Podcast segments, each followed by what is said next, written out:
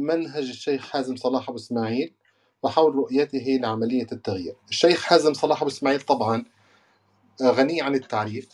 هو أحد أبرز ممثلي التيار الإسلامي في مصر ومن أكثرهم تأثيرا كذلك. هو نجل الداعية الراحل المعروف الشيخ صلاح أبو إسماعيل. وعرف الشيخ حازم بمواقفه الجريئة وخطابه شديد الثقة في الدفاع عن الإسلام وفي تعزيز قيمه ومبادئه. وركز على قضايا المجتمع المختلفة من إحقاق الحق ومكافحة الفساد ونشر العدل والتصدي للظلم.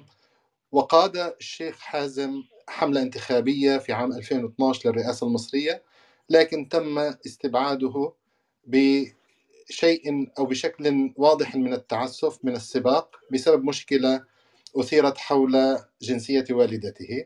رغم ذلك استمر في النشاط السياسي والدعوي وكان رأس حربة في مواجهة المجلس العسكري محذرا منهم وكاشفا لمخططاتهم في احتواء الثورة والقضاء عليها. في هذه الجلسة معنا الدكتور عطية للتعريف بالخلفية الاجتماعية والمعرفية للشيخ حازم ورؤيته لإمكانية إحداث تغيير سياسي ومنهجه في تحقيق ذلك. الحديث لديك دكتور عطية تفضل. طيب بسم الله الرحمن الرحيم. الحمد لله رب العالمين والصلاة والسلام على أشرف المرسلين سيدنا محمد وعلى آله وصحبه أجمعين. آه، سوف أكتفي في التعريف بالشيخ حازم بما تفضلتم به لأدلف إلى صلب الموضوع مباشرة. فالذي كان يتابع الأحداث منذ آه، آه، يعني اندلاع الثورة في ال- ال- الحادي عشر في في في الخامس والعشرين من يناير سنة 2011 في مصر إلى آه، ما بعد الانقلاب ويعني وقوع الشيخ في الأسر من تابع مسيرة الشيخ في هذه السنوات آه، في هاتين في هذين العامين يعني آه، بما يعني بما فيهما من أحداث متتابعة وكثيفة جدا جدا وغزيرة جدا جدا من تابع مواقف الشيء فيها آه، الشيخ فيها وجد أن الشيخ كان يمضي على خط واحد لا يحيد عنه ولا يمين. هذا الخط الذي مضى عليه الشيخ من اللحظة الأولى ولم يرتبك ولم آه، آه، يتردد هذا الخط هو يعني خط ال ال ال ال ال الشريعة ال- التمكين للشريعة العمل بالشريعة الانطلاق من الشريعة ال- الذهاب إلى غاية تمكين الشريعة. كان هذا الخط واضحا وبارزا وكان هو أيضا صريحا غاية الصراحة وواضحا غاية الوضوح. ولم يكن يناور ولا يداور. برغم ضغط الإعلام آنذاك برغم ضغط الواقع كله لم يكن الرجل يناور ولا يداور. كان يصرح بالهوية الإسلامية بهويته الإسلامية وبالتزامه بالشريعة مع أيضا تمسكه بمبدأ مراعاة الواقع وتقبل الواقع وضرورة التدرج في تطبيق الشريعة والعمل بها لكنه كان مستعصما ومتمسكا بهذا الخط لا يحيد عنه ولا يميل آه، ومن تابع الشيخ حازم أبو إسماعيل قبل الثورة واستمع إلى دروسه قبل الثورة تأكد له أن آه، يعني ما حدث من الشيخ حازم صلاح أبو إسماعيل بعد الثورة كان امتدادا لذات المنهج الذي كان ينتهجه قبل الثورة. فرغم أنه كان رجلا محسوبا على الإخوان المسلمين بل منسوبا إليهم أو منتسبا إليهم. لم يكن يعالج القضايا بذات الطريقة التي كان يعالجها بها الإخوان المسلمين. فمن تابع دروسه في السيرة وفي الآداب الإسلامية وغير ذلك من الدروس ومن حضر له بعض الدروس حتى في آه، مسجد أسد بن الفرات ال- الذي كان دائما يعني يلقي فيه دروسه ومن تابع مواقفه وجده يعني شخص آه، عالم فذ يختلف تماما عن المنهج الذي انتجه المسلمين بغض النظر عن حكمنا بغض النظر عن حكمنا على طريق المسلمين هذه مسألة أخرى يعني إيه يعني احسنوا في الكثير واساءوا في الكثير لكن الشيخ حازم كان متميزا من بينهم جميعا. فعندما تسمعه كأنه ليس على منهج الاخوان المسلمين مطلقا بل هو رجل يعني صاحب منهج فذ ثري وليس ذلك بعيد عليه. فهو نجل العالم المجاهد الشيخ صلاح أبو إسماعيل رحمه الله رحمه واسعة الذي يعني كان في البرلمان المصري رجلا بأمة. يعني كان كان لوحده في البرلمان يساوي يعني يساوي لوحده جملة من الأحزاب وكان رجل علم ازهري وكان رجل علم بارز في العلم وخطيب مفوه وداعية مبرز ورجل يعني صاحب مواقف عظيمة جدا جدا يكفي موقفه في شهادته مع إيه؟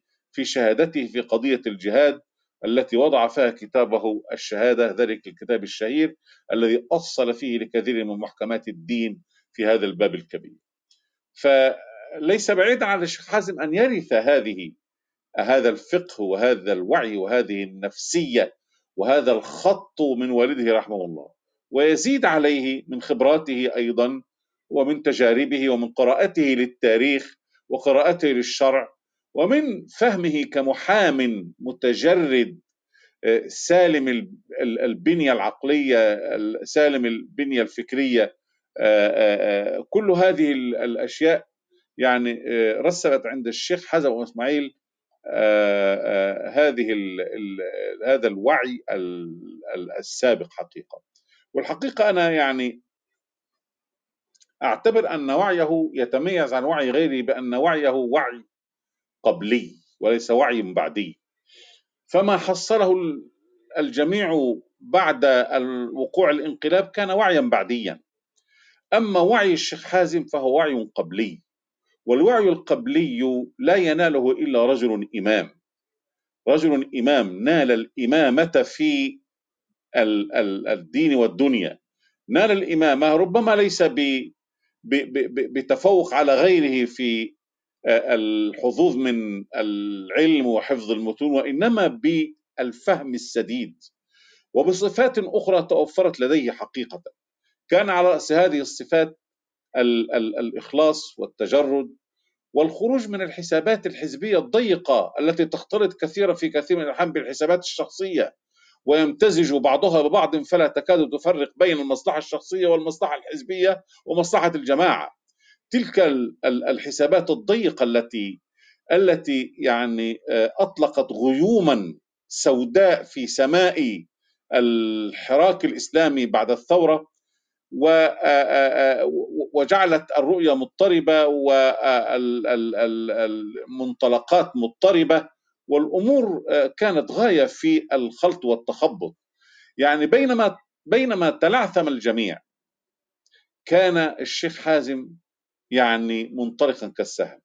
من اللحظة الأولى لقيام الثورة لم يتلعثم ولم يتردد ولم يجهل شيئا. من اللحظة الأولى التقط الخيط ونظم فيه بإتقان وإحكام كل قضايا الإسلام الكبرى نظمها في خيط الثورة. بمرونة ولباقة ورشاقة ولياقة.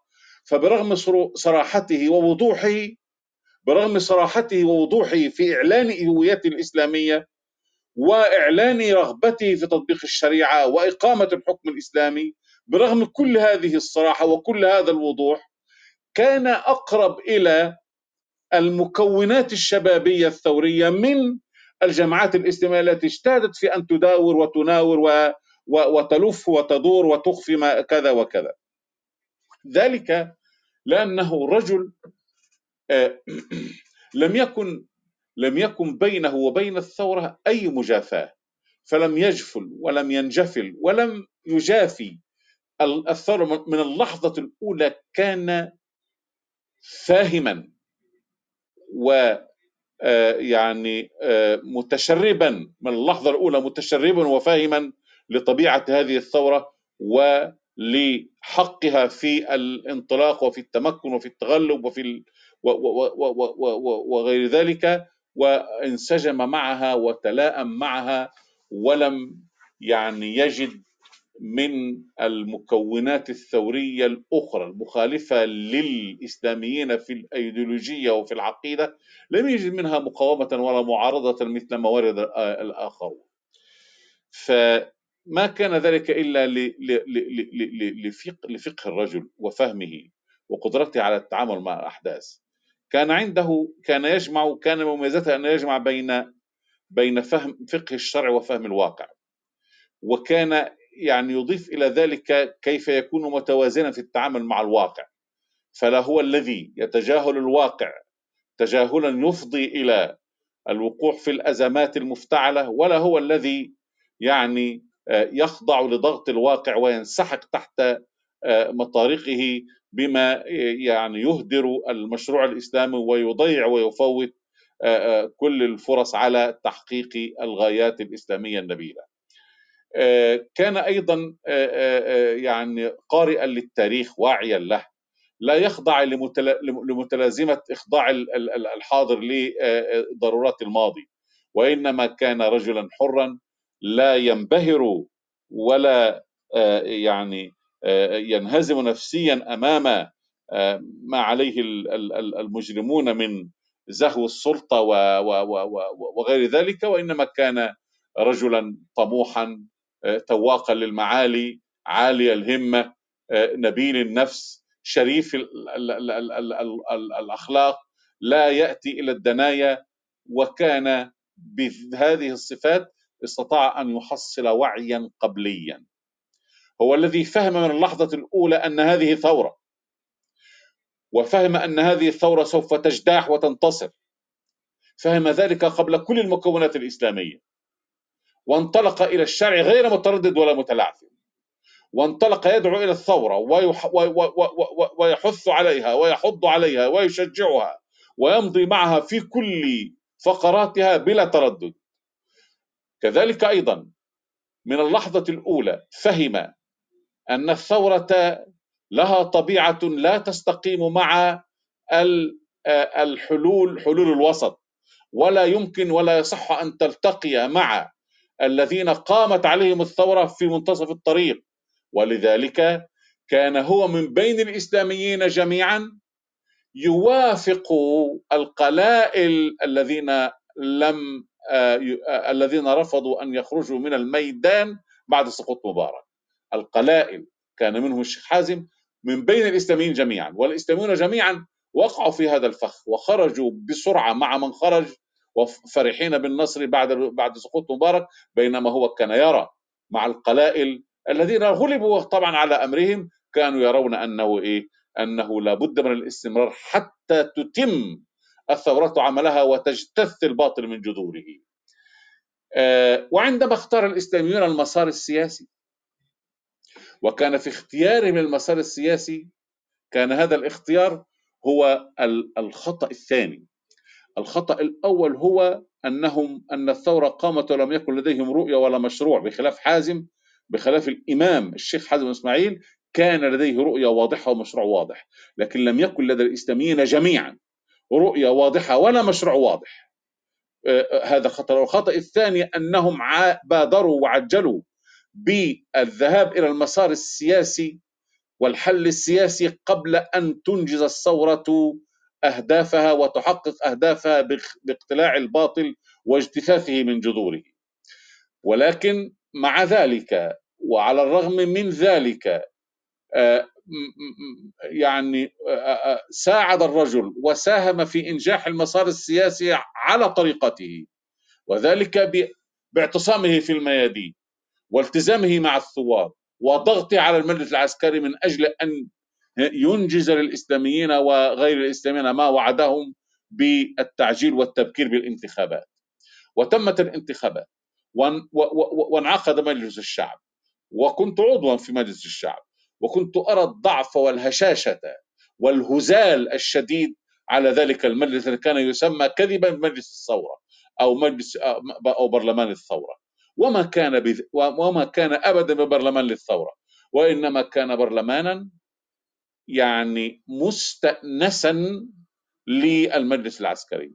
ما سمعت ما سمعت رئيس المجلس ولا الأغلبية التي في المجلس مرة واحدة الأغلبية الإسلامية ما سمعتها مرة واحدة تنتقد المجلس العسكري في البرلمان. يعني وانخرط البرلمان الهزيل ذاك في جلد حكومة الجنزور وهو يعلم أن حكومة الجنزور مجرد موظفين مجرد موظفين لدى المجلس العسكري.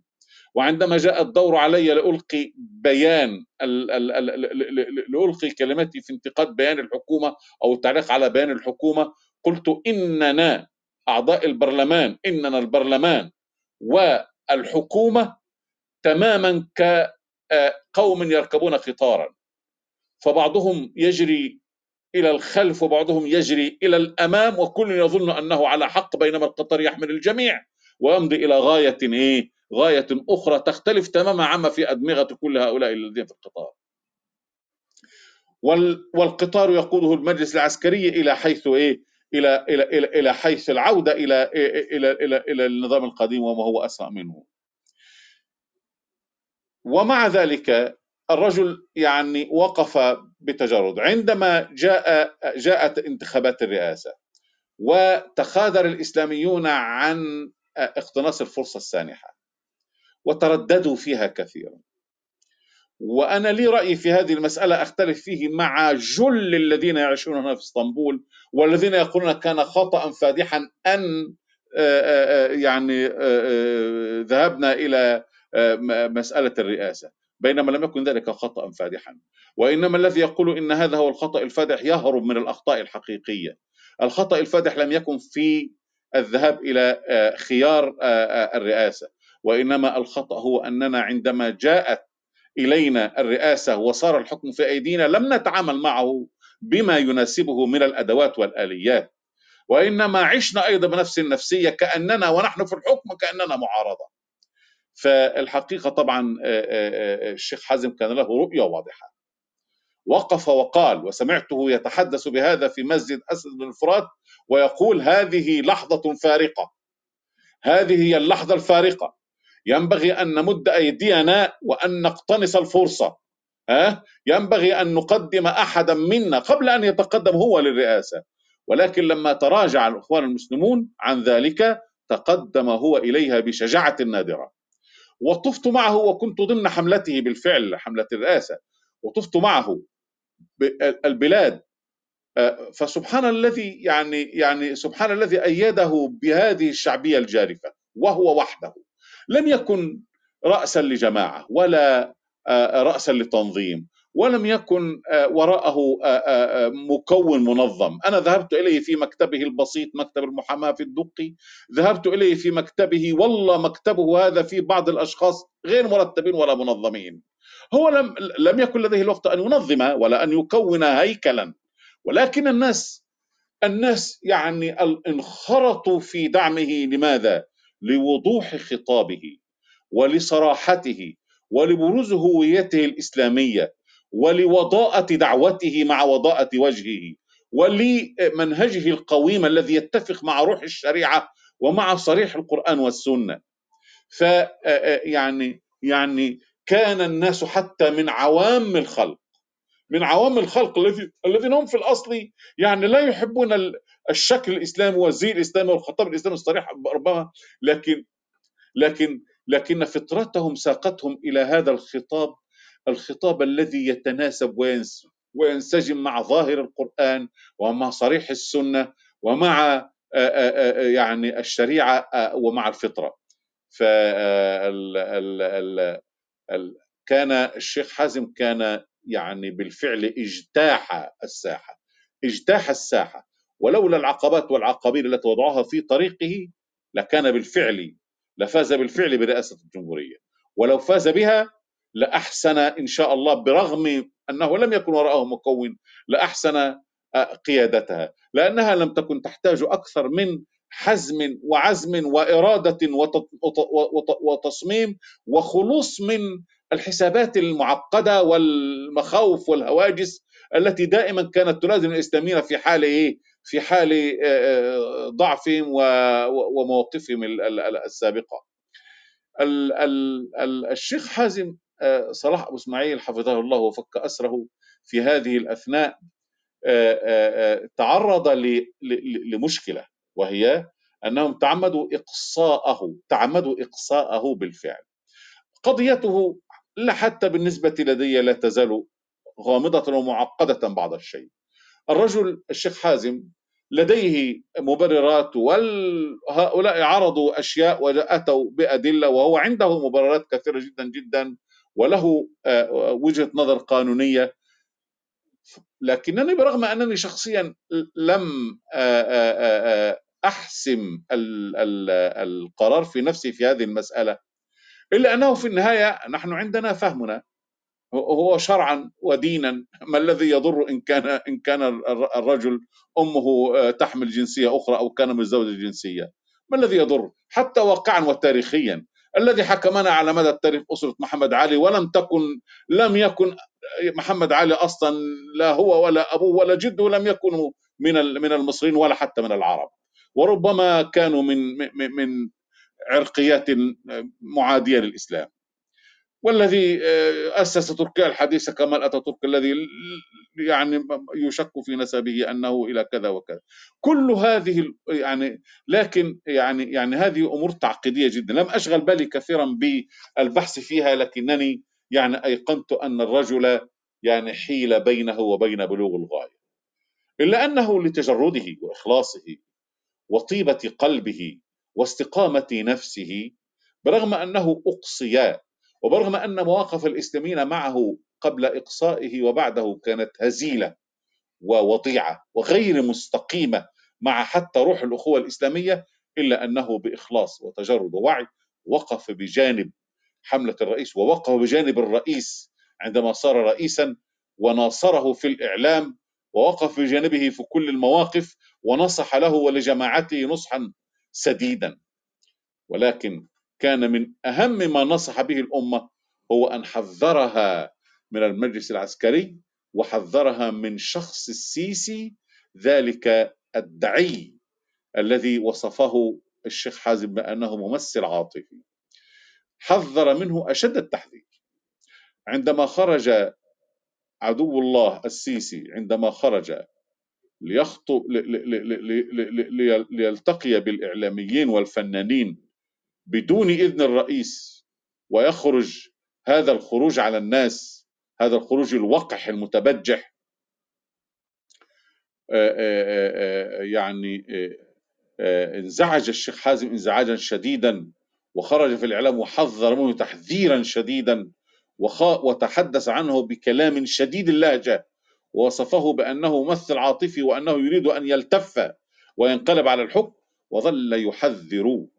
والإخوان سادرون في تمجيد السيسي وتلميعه والثناء عليه والرجل يحذر منه إلى اللحظة الأخيرة التي التي وقع فيها المحذور وعندما وقع المحظور برغم الكنود والجحود الذي لاقاه منهم انضم إليهم ووقف معهم في محنتهم حتى أصابه ما أصابهم من الضراء وال وال وال والبأساء وأسر مع المأسورين واضطهد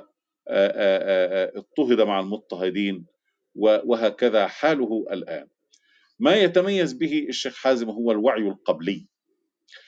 أما الوعد أما الوعي البعدي فبرغم أنه يعني تجربة مضافة للوعي الإسلامي إلا أنه لا يمكن أن يصنع جيلا بناء لوحده حتى ينضاف إليه الوعي القبلي. لابد أن نتعلم وأن نستلهم من الشيخ كيف يكون لدينا وعي قبلي. كيف يكون عندنا وعي قبل وقوع الأحداث. ليس بعد وقوعها قبل وقوع الأحداث. وننظر في المكونات النفسية والعقدية والفقهية والمفاهيمية التي بنى عليه بنى عليها بنى عليها الإمام حزم إسماعيل هذا الوعي الكبير ونتعلم منه كيف نتجرد ونخلص للقضيه الإسلامية ونخلص لله تبارك وتعالى اولا وكيف نخلص من العقد ومن الحسابات الضيقة إلى آفاق العمل لصالح الأمة الإسلامية ولصالح دين الله تبارك وتعالى وكيف نعي الواقع وعيا جيدا. وننطلق بشجاعة وثابة لا نبالي بال بعنجهية الخصوم. كيف ننطلق من هذه الأشياء إلى تكوين وعي قبلي صحيح ورشيد. مبني على فهم الكتاب والسنن الكونية والواقع فهذا هو مثلث الوعي.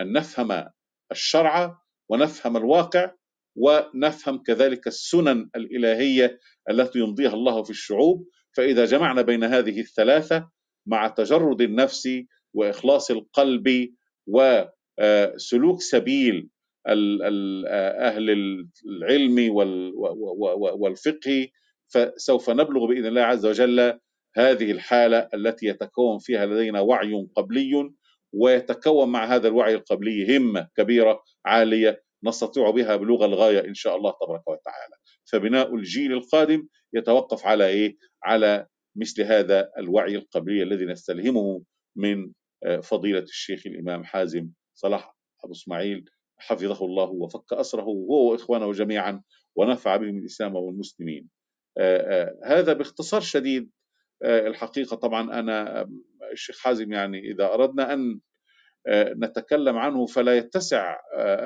يعني لذلك يعني ساعات ومحاضرات الرجل بحر زاخر وأحداث الأحداث التي مر بها والمواقف التي عاناها والكم المحاضرات واللقاءات التلفزيونية التي ألقاها وكان فيها بارعا وكان فيها محاورا بارعا ومناظرا بارعا وكانت براعته يعني ليست بسبب دهاء أو أو أو شيء من هذا وإنما كانت براعته بسبب أنه يقف على أرض صحيحة.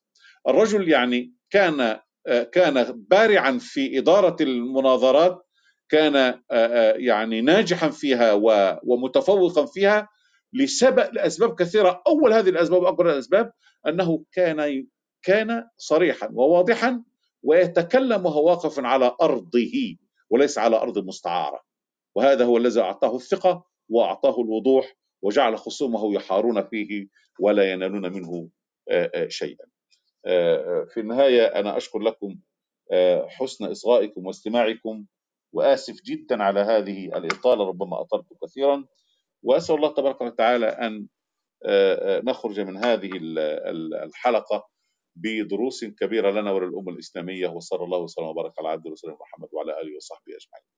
حياك الله دكتور يعني أنا لا أريد أن أعيد ما ذكرته لكن كان كلاما في الصميم آه، لا سيما ما تميز به الشيخ حازم صلاح وإسماعيل من محاولة جادة من قبله لتفعيل الشريعة في الواقع والتعامل مع الواقع بدون تجاهل المعضلات والعوائق الكبرى التي تحول دون إنزال الشريعة في واقع مثل آه، الدولة المصرية.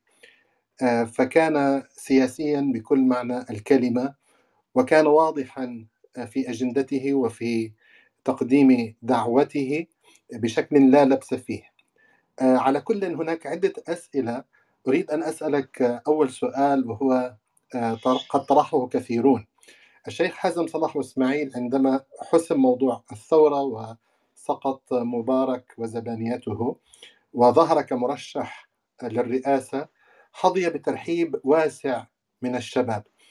والشيخ حزم كان له كما ذكرت وتفضلت آه، خبرة سياسية سابقة آه، في عدة مجالات وعندما ترشح جمع أكثر من 150 ألف توكيل وأصبح الأكثر شعبية آه، ضمن الإسلاميين وغير الإسلاميين في السياق في نعم. سياق السباق الانتخابي آه، وعندما نعم. تمت دعوته للقاءات أيضا آه، إعلامية وتلفزيونية مع مفكرين وخبراء زادت شعبيته وعلت آه، سطوته على عكس ما بان من ضعف لدى الآخرين وكذلك أبدى موقفا واضحا من قيادة العسكرية من التدخلات الأجنبية وكان واضحا أيضا في كيفية بناء دولة بعيدة عن النفوذ الأجنبي لمصر.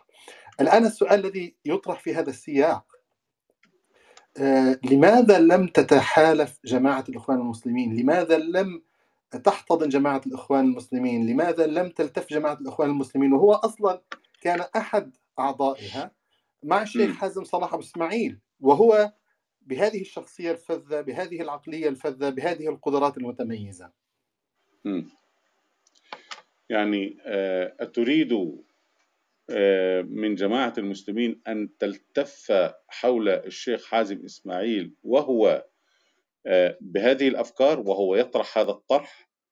هذا الطرح الذي كان يطرحه حازم صلاح أبو إسماعيل طرح كان أقوى من طرح الجماعات السلفية وهي في الرخاء. يعني الجماعات السلفية في الرخاء الجماعات السلفية بكل مكوناتها. بكل مكوناتها سواء السلفية العلمية أو أو غيرها كانت تطرح طرحا أصوليا معمقا وهي في الرخاء في المساجد. هذا الطرح الأصولي المعمق كان حازم أبو إسماعيل يطرحه في الميادين وفي الإعلام وفي حملته الانتخابية. كان يطرحه طرحا عمليا ويتحدى به. هل ترى أن جماعة الأخوان المسلمين يعني يتناسب معها هذا الطرح هذا الطرح لا يتناسب معها هذا هو ليس ليس هذا الطرح هو طرح جماعة الإخوان المسلمين.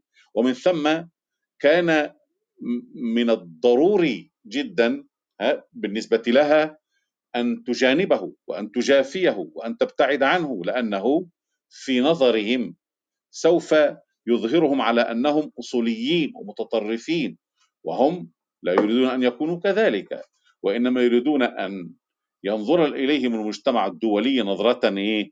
نظرة على معتدلة ويراهم معتدلين ويقبل بوجودهم ويقبل بمجيئهم للحكم ويعني يرى أنهم يمكن التعامل معهم ولا يحاربهم. هذه هي نظرتهم.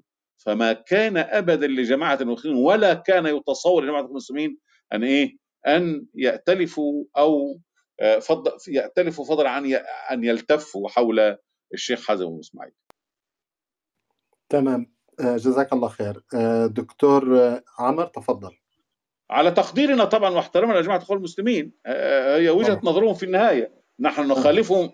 أنا أخالفهم في وجهة نظر هذه لكنهم هي وجهة نظر في النهاية. هم ربما مخلصون الله عز وجل في وجهة النظر هذه لكنها وجهة نظر خاطئة. لكن على أي حال هم يخالفونه في وجهة النظر هذه وما كان بحال من الأحوال أن يعترفوا معه بل إن السلفيين بعد أن آه، قامت الثورة غيروا خطابهم بما يتنافى ويتضاد مع خطاب الشيخ حازم إسماعيل. تمام. دكتور عمر تفضل. شكرا دكتور عطية أسهب الحقيقة وحاط بالموضوع بشكل كامل. أنا الحقيقة أحب أضيف بس إن في ميزة كانت أو تحدث عنها الدكتور عطية هي التفاف الشباب آه، حتى غير الإسلاميين. حوالين شخصية الشيخ حازم لأن الحقيقة الشعوب عموما والمجتمعات بتحب مجموعة من النقاط المهمة في أي حد تدعمه.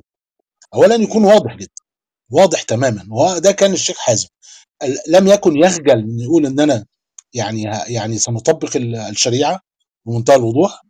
النقطة الثانية القوة في العرض سواء في الناحية من الناحية النفسية هو بيتكلم أو من ناحية القوة في الردود والمناظرة والحوار مع أي حد. ولو حضرتك شفتوا آه، المناظرات بتاعت الشيخ حازم كان دائما ما يحرج اللي قدامه يحطه في مربع ما ما يخرجوش منه. ودي ميزة الحقيقة هائلة بتدل على الذكاء الشديد ودي من الصفات المهمة لأي حد آه، يجتمع الناس حواليه. حضرتك إحنا في مشهد أسطوري الناس راحت مع الشيخ حازم وهو بيقدم التوكيلات. يعني مش التوكيلات بس التوكيلات والافراد والنقطة المهمة إنه قدر إنه يدمج فكرة الثورة داخل الفكر الإسلامي بشكل كان متميز للغاية. وكان والحقيقة إن ده كانت نقلة في طريقة الأداء التيارات الإسلامية داخل مصر. يعني جماعة الاخوان المسلمين بعيدة تماما عن فكرة الثورة عايزة تغير بشكل ما ربما لا يتوافق مع الواقع المصري. حتى التيارات الجهادية اشتغلت بمنتهى القوة بس لم بدون إطار فكري ونظري وبدون التحام الشعب بيها فبالتالي لم تحقق نجاح.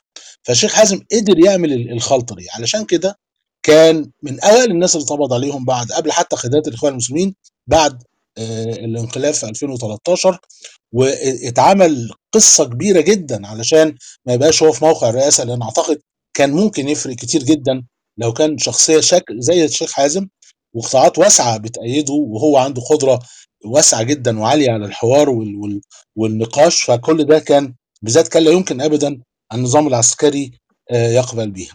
فالشيخ حازم كان نقلة حقيقية في اطار في طرح الفكرة الإسلامية على الجمهور وقدرت تجتذب قطاعات واسعة من الناس.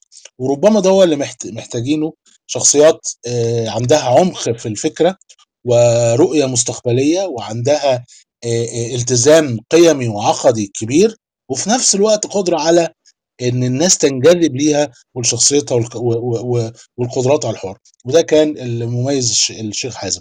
يمكن ما في شخصية تانية في الوقت الحالي تتمتع بهذه المواصفات علشان كده يعني كانت خسارة كبيرة جدا إن الشيخ حازم يدخل السجن وحتى الآن يعني موجود بالداخل ويمكن نتعلم بس إن هذه القيادات يدافع عنها لو حصل وتكرر الموقف وأكيد هيتكرر يعني الأجيال بتولد رجال دائما والرجال دائما موجودين الشخصيات القيادية يحافظ عليها بكل ما نمتلك من قوة. وجود هذا شخص زي ده في الخارج وخارج السجن يعني وبيدير عملية الصراع والثورة أعتقد كان في فرق كبير جدا.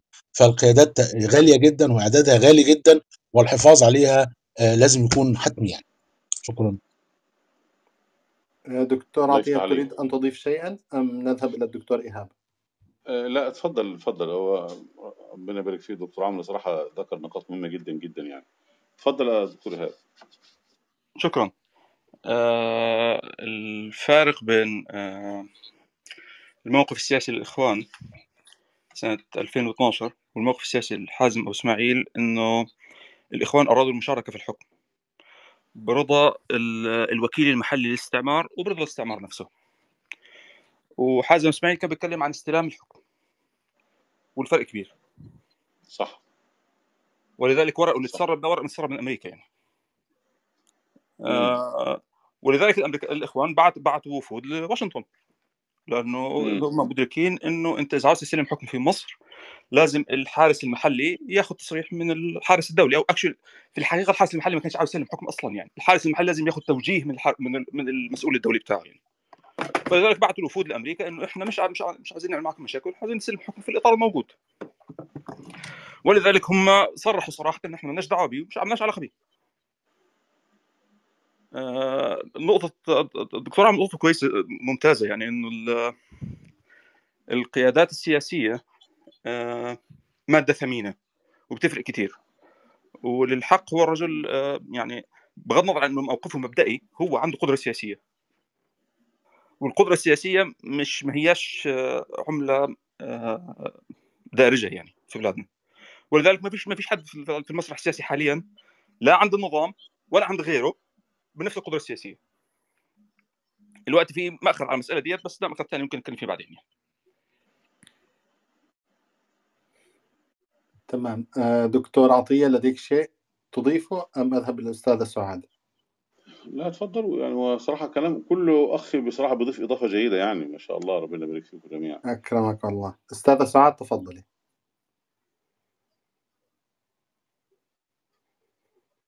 أستاذة سعاد تحتاج تعملي أنميوت للميكروفون. تفضلي. الله يزيد فضلك أستاذ حسن. آه، شكرا جزيلا على هذه الغرفة المتميزة. آه، واستمتعت كثيرا بالتحليل السابقين. أنا آه، بصراحة لا, لا, لا يمكن أن أخفي إعجابي الشديد بالأستاذ الشيخ حازم صلاح أبو إسماعيل. آه، والحمد لله الآن متوفرة. إلكترونيا كل محاضراته ومناقشته ومناظرته وتستأسد بكل ال- الإيديوهات التي أعمل لها حفظ لكي أسمعها وأتمعن فيها. وبصراحة آه، هو منظر آه، لل- للسياسة الشرعية بشكل آه، ذكي جدا ومتمكن.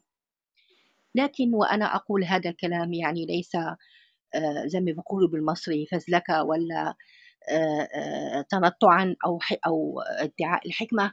لكن وأنا متابعة جدا كعربية ومسلمة متابعة جدا آه، منذ آه، يعني انتفاضات الربيع العربي أو ما يدعى بالربيع العربي. آه، وشاركنا فيها قلبا وقالبا ونحن من مسلمي أمريكا وكنا يعني ننظم مظاهرات لدعم آه، الانتفاضة في تونس و 25 يناير وفي المغرب وفي ليبيا. كنا نعيش مع بكل تفاصيل هذه الانتفاضة المباركة. آه، يعني في تلك اللحظة يعني كتبت تدوينات على أن كنت أدعو من الله سبحانه وتعالى أن لا ينجر أن تنجر الحركة الإسلامية في هذا التغيير أو الانتفاضة الغير المنظمة وغير المنتظرة ألا ينجروا يعني حول سباقات الرئاسة. وأن يتريثوا لأن وكما يعني أثبتت الظروف الحالية على أن كانت الأنظمة المستبدة يعني تحابي وتتماهى مع ما يطلبه الجمهور. فكان الطيف الإسلامي هو الأمل لجميع الشعوب بعد أن فشلت وخصوصا هذه الانتفاضات لم تكن لها لا قيادة ولا ريادة بصراحة. آه، يعني حتى آه، يعني معارضة الحركات الإسلامية لم تؤتي بأي تغيير أو انتفاضة حقيقية أو تغيير جذري أو تلامس أو تأثير في الجماهير آه، لكي لكي لكي, لكي تقود ذلك التغيير الجذري كما مثلا حصل في الثورة الإسلامية في إيران رغم اعتراضي لمآلات تلك الثورة. لكن لم ت... يعني معارضة يعني لم تأتي بأي تغيير. وخصوصا حركة الإخوان المسلمين تعتبر المدرسة آه، لكل الحركات التي تأثرت فيها في العالم العربي في المغرب وتونس وليبيا والجزائر وكل ذلك. آه، كنت أقول يعني مع الإقرار بذكاء الرجل وحيطته وحنكته آه، يعني آه، وكل الطيف الإسلامي. ألم ألم يكن يدرون على أن آه، يعني مغامرة سياسية خطيرة رغم كل الزخم الذي الحمد لله يعني الشعب قام ب يعني توقيع التوكيل وشفنا المشاكل التي اخترقها له العسكر المجرم. لكن لم يكن يعلموا على أن الدولة العميقة ممتدة بجذورها قائمة قوية. يعني كيف سوف يمكن للرئيس مرسي ومهما كان آه، مآلات مثلا أي واحد من الحركة الإسلامية حتى لو كان الشيخ آه، آه، حازم. يعني العسكر متمكن الداخلية متمكنة الإعلام متمكن. فكيف سوف يمكن لهم أو يسمح لهم أن ينزلوا أي رؤية إصلاحية؟ فشفنا الانقلاب الدموي في مصر. وشفنا النظام في المغرب كيف سمح لحزب العداله والتنميه فقط ليشوه سمعته ويعني يخرج بتوقيع للخيانة للتطبيع. وشفنا ما حصل في في ليبيا وشفنا الآن ما حصل من تونس الغنوشي في في السجون بتهمة الإرهاب لأن قال كلمة طاغوت. ف يعني كان من الأحكم ويعني ما شاء الله قدر فعل لكن كان من الأحكم من الحركة الإسلامية أن تبقى في في المعارضة وأن تترقب التجربة وشوف مآلات ذلك التغيير لأن العسكر خبيث ومنافق ومجرم آه، وحصل يعني لم يتعلموا من تجربة آه، جمال عبد الناصر فقام العسكر بالانقلاب. Exactly. uh, كما حصل في uh, uh, في تجربة جمال عبد الناصر.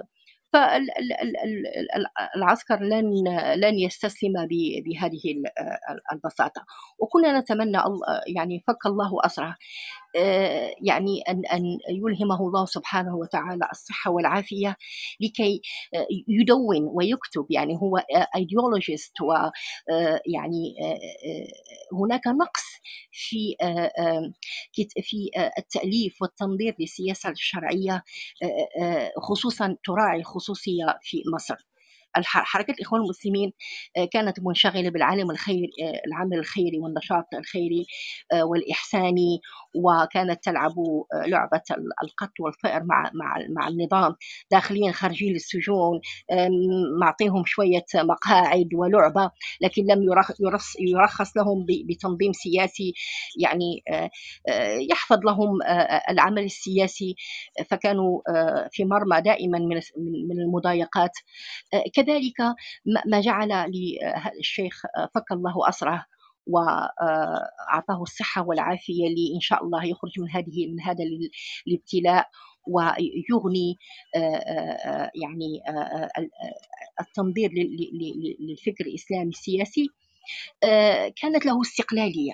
كانت حفظت له تلك الاستقلالية لأنك حينما تنتمي لأي جماعة أو أي حزب مهما كان مهما كان لازم أنت بيقيدك بموازينه وأفكاره وإيديولوجيته ويعني إكراهاته. لكن هو كان متخ... يعني الحمد لله كانت استقلالية فعلا تاج فوق رأسه وكان يتكلم دون خوف.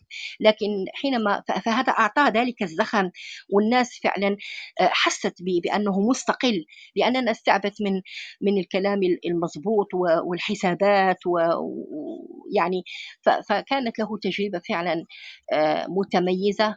وكان آه، اسدا في المناظرات وكان كنا نستمتع لكن آه، مستحيل قوى الاستكبار العالمي ومستحيل للعسكر المجرم أن أن يسمح لتلك الشخصية التي يعني متنورة فعلا بالمنهج الرباني ومتحكمة في أسلوب خطابها ومتمكنة من كل أدوات الإقناع. فك الله أسره وإن شاء الله كما قلت أتمنى أنه يعني يبدأ تجربة الكتابة ويمكنه الله من هذا العمل الصالح. وشكرا. شكرا أستاذ سعاد دكتور عطية تفضل. أشكر الأخت الكريمة الأستاذة سعاد. وأخالفها في الرأي في مسألة آه، أنه كان من الأولى والأجدى بالإسلاميين ألا يخوضوا تجربة الرئاسة. وهذه مسألة تختلف فيها الآراء الآراء ولا بأس بها يعني. لكن لكن رغم اختلافنا في هذه المسألة فإن الساحة الآن تشهد بأن الجميع بأن جميع المشاريع فسدت فشلت. يعني فلا الذين بادروا إلى الرئاسة أفلحوا ولا الذين آه، آه، تأخروا عنها في تونس مثلا أفلحوا ولا الذين آه، يعني ذهبوا إلى الخيار العسكري أفلحوا. فهناك أسباب أكبر منا جميعا وأكبر من هذه الملابسات الصغيرة وهذه الآراء الصغيرة أكبر من ذلك كله أدت إلى فشل الثورات. فمثلا فالفشل هذا الذي وقع الفشل الذي وقع والذي يعني يعني قلب المنطقة كلها رأسا على عقب وطوى الربيع العربي وثاواه تحت التراب الفشل هذا له أسباب أعمق بكثير جدا جدا من الخيارات التي نختلف فيها هذه فعلى أي حال أيما كان الخيار صحيح أم غير صحيح فإن تجربة الشيخ حازم وإسماعيل تجربة تدل هذا هو موضوعنا يعني وهذا هو المهم يعني فإن تجربة الشيخ حازم تدل على إيه؟ على أن الرجل كان يتمتع بوعي مبكر بوعي قبلي. يختلف تماما عن الوعي البعدي الذي نختلف فيه الآن نحن ونتدافع فيه الآن نحن. لكن الرجل كان لديه وعي كبير. يكفي أنه كان ضد أمور أساسية هي السبب في الفشل الثورات. كان ضد الذهاب إلى الخيار السياسي قبل إنجاز الثورة على الأرض. وكان ضد التحالف مع العسكر والركون إليهم. وكان ضد السكوت عن السيسي والثقة به. كل هذه الأمور كان هو ضد كان ضدها. بينما الإسلاميون أغلبهم كان مخالف له في ذلك الرأي ولم يفق على رأي القليل. وهم في السجن الآن معه من أمثال أبو البخاري وغيرهم من من الإخوة الأفاضل يعني. فالحقيقة يعني هذا هو الجوهر المسألة. نخرج من المسائل التي ممكن أن نختلف فيها إلى جوهر المسألة وهو أن الشيخ حازم حفظه الله وفك أسره. آه، يعني رجل يعني بالفعل يعني أعتقد أن بهذا تنال إمامة. يعني الإمامة لا تنال فقط بكثرة علم إنما تنال بهذا الوعي المبكر الناضج الذي يسبق الأحداث والذي يدل إن دل على الفقه والوعي والإخلاص والتجرد وعلو الهمة. وبهذا تنال الإمامة في الدين. فالذي نتعلمه من الرجل بالفعل هو كيف نصنع هذا كيف نصنع هذه النماذج وكيف نستفيد منها وكيف نحافظ عليها إن وجدت كما أشار الإخوة. شكرا لكم جميعا. أنا عندي سؤال آه، دكتور عطية. يعني فضل. أشعر أحيانا أن الشيخ حازم صلاح أبو إسماعيل استطاع أن يأتي بمعادلة فريدة نوعا ما عن الطرفين تعاملا مع التغيير السياسي.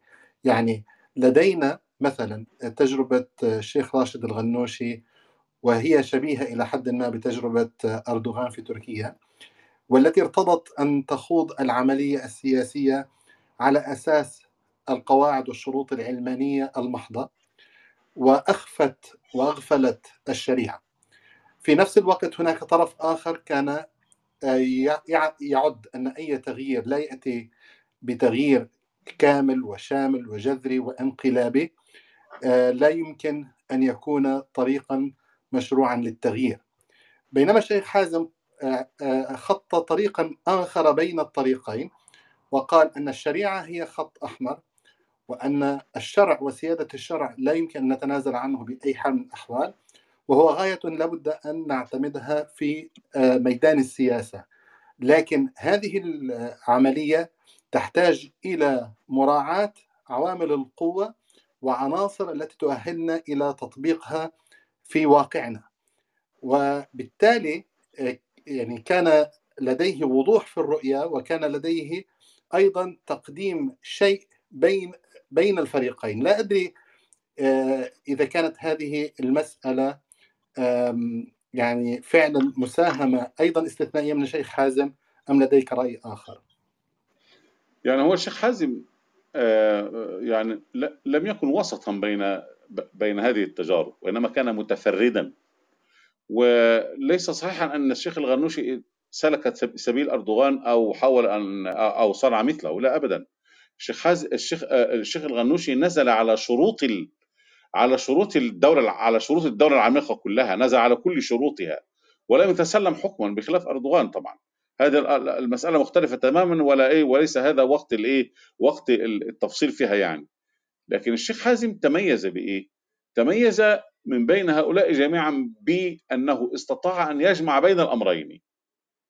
الأول أن يعلي من شأن الشريعة وأن يستمسك بضرورة تطبيقها وأن يجعلها غاية مشروعه.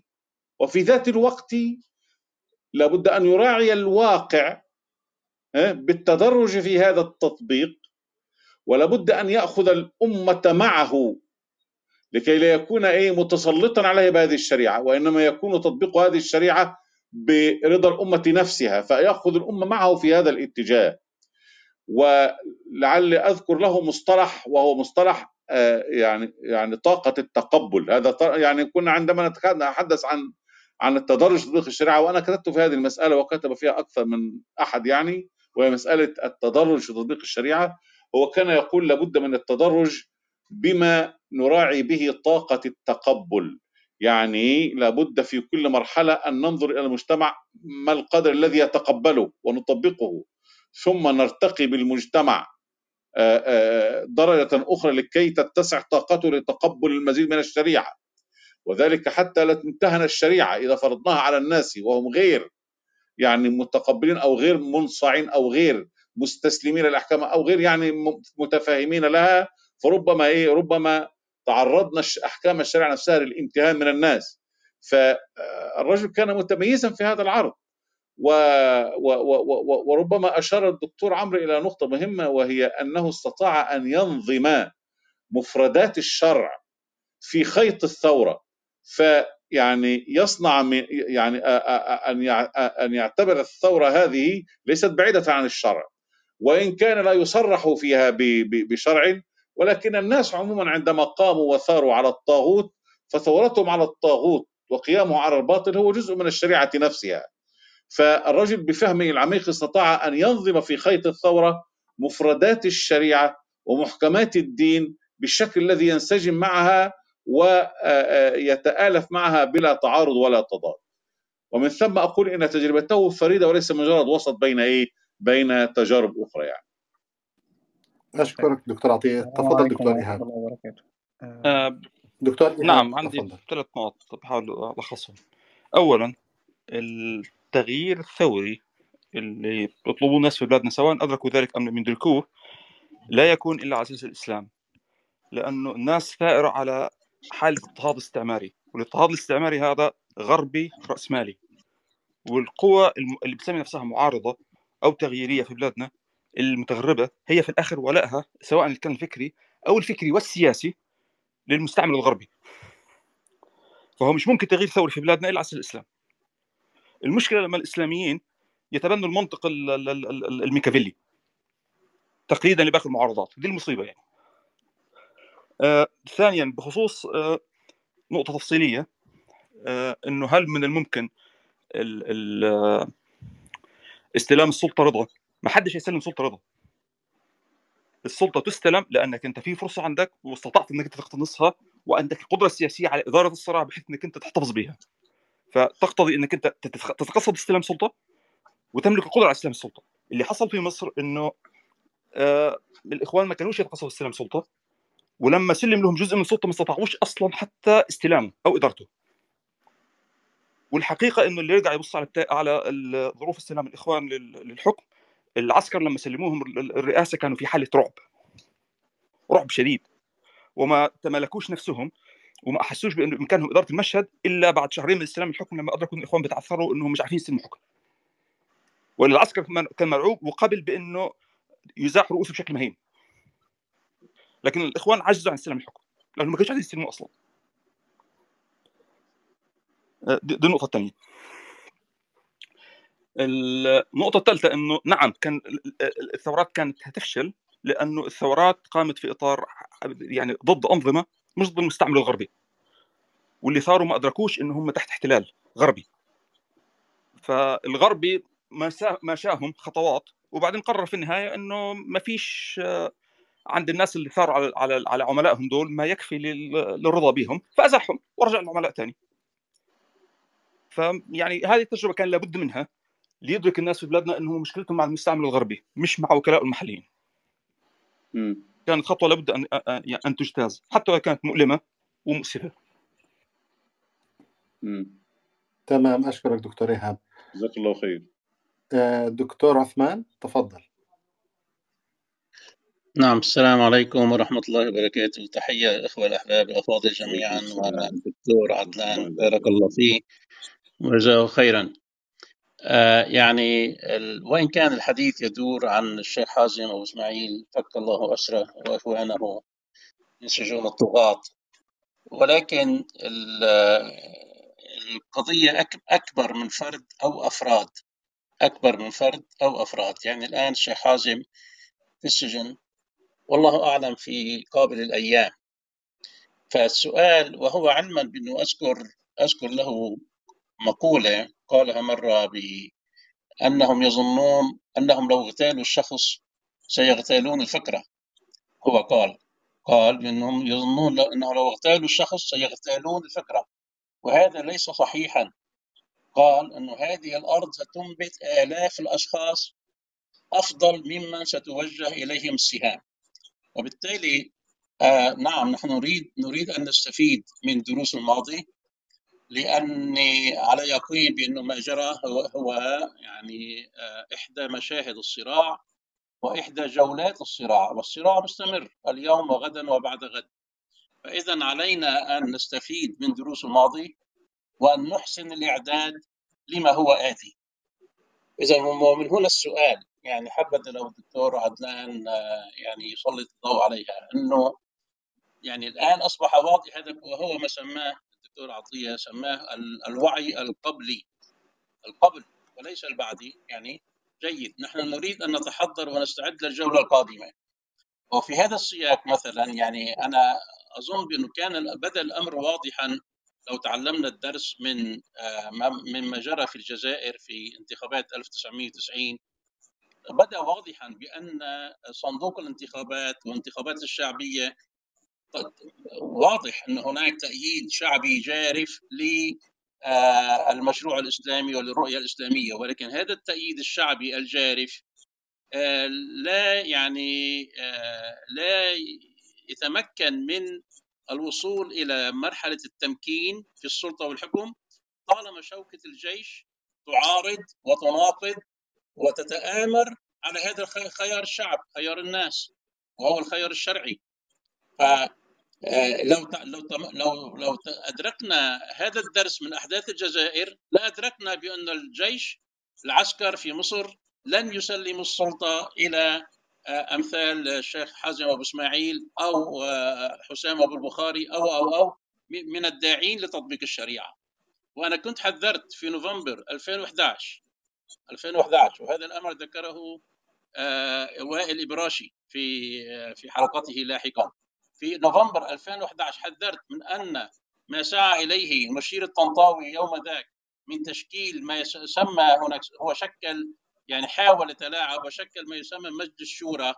يعني مجلس الشورى برعاية العسكر للمجلس المجلس الأعلى للقوات المسلحة. كان اسمه المجلس الاستشاري يا باشمهندس- يا أستاذ عثمان كان مجلس استشاري كان ضم فيه آه، من قوى المعارضة أو يعني أو اللي هم سماهم الأحزاب المدنية أو اللي هم كانوا الاتجاه الغير الإسلامي يعني.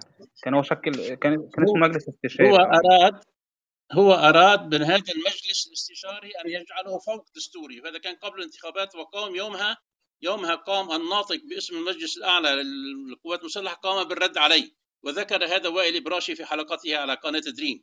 المهم أنا يعني أنا لا أريد أن أغوص في التاريخ أريد أن أقفز إلى المستقبل. بمعنى الآن الشيخ حازم فرج الله عنه وعن إخوانه في السجن. السؤال كما وهو كما قال العبرة أك- أكبر من اغتيال الشخص. يعني الدكتور مرسي اغتالوه في السجن رحمه الله. وقد يغتالوا الشيخ حازم وقد يتوفاه في السجن. نحن قضية أمة وقضية دين أكبر من الأشخاص. شيء كتب رحمه الله أ- أعدموه ولكن فكرته عاشت.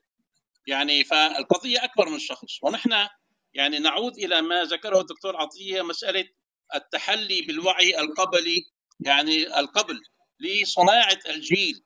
وهذا الوعي القبلي يقوم على فهم نفهم الشرع وفهم الواقع وفهم السنن الكونية. ومن أهم هذه السنن الكو- الكونية أنه كما ذكرت الآن لا يكفي أن يكون هناك تأييد شعبي جارف ما دام القوة قوة الشوكة قوة الجيش تتربص بنا شرا.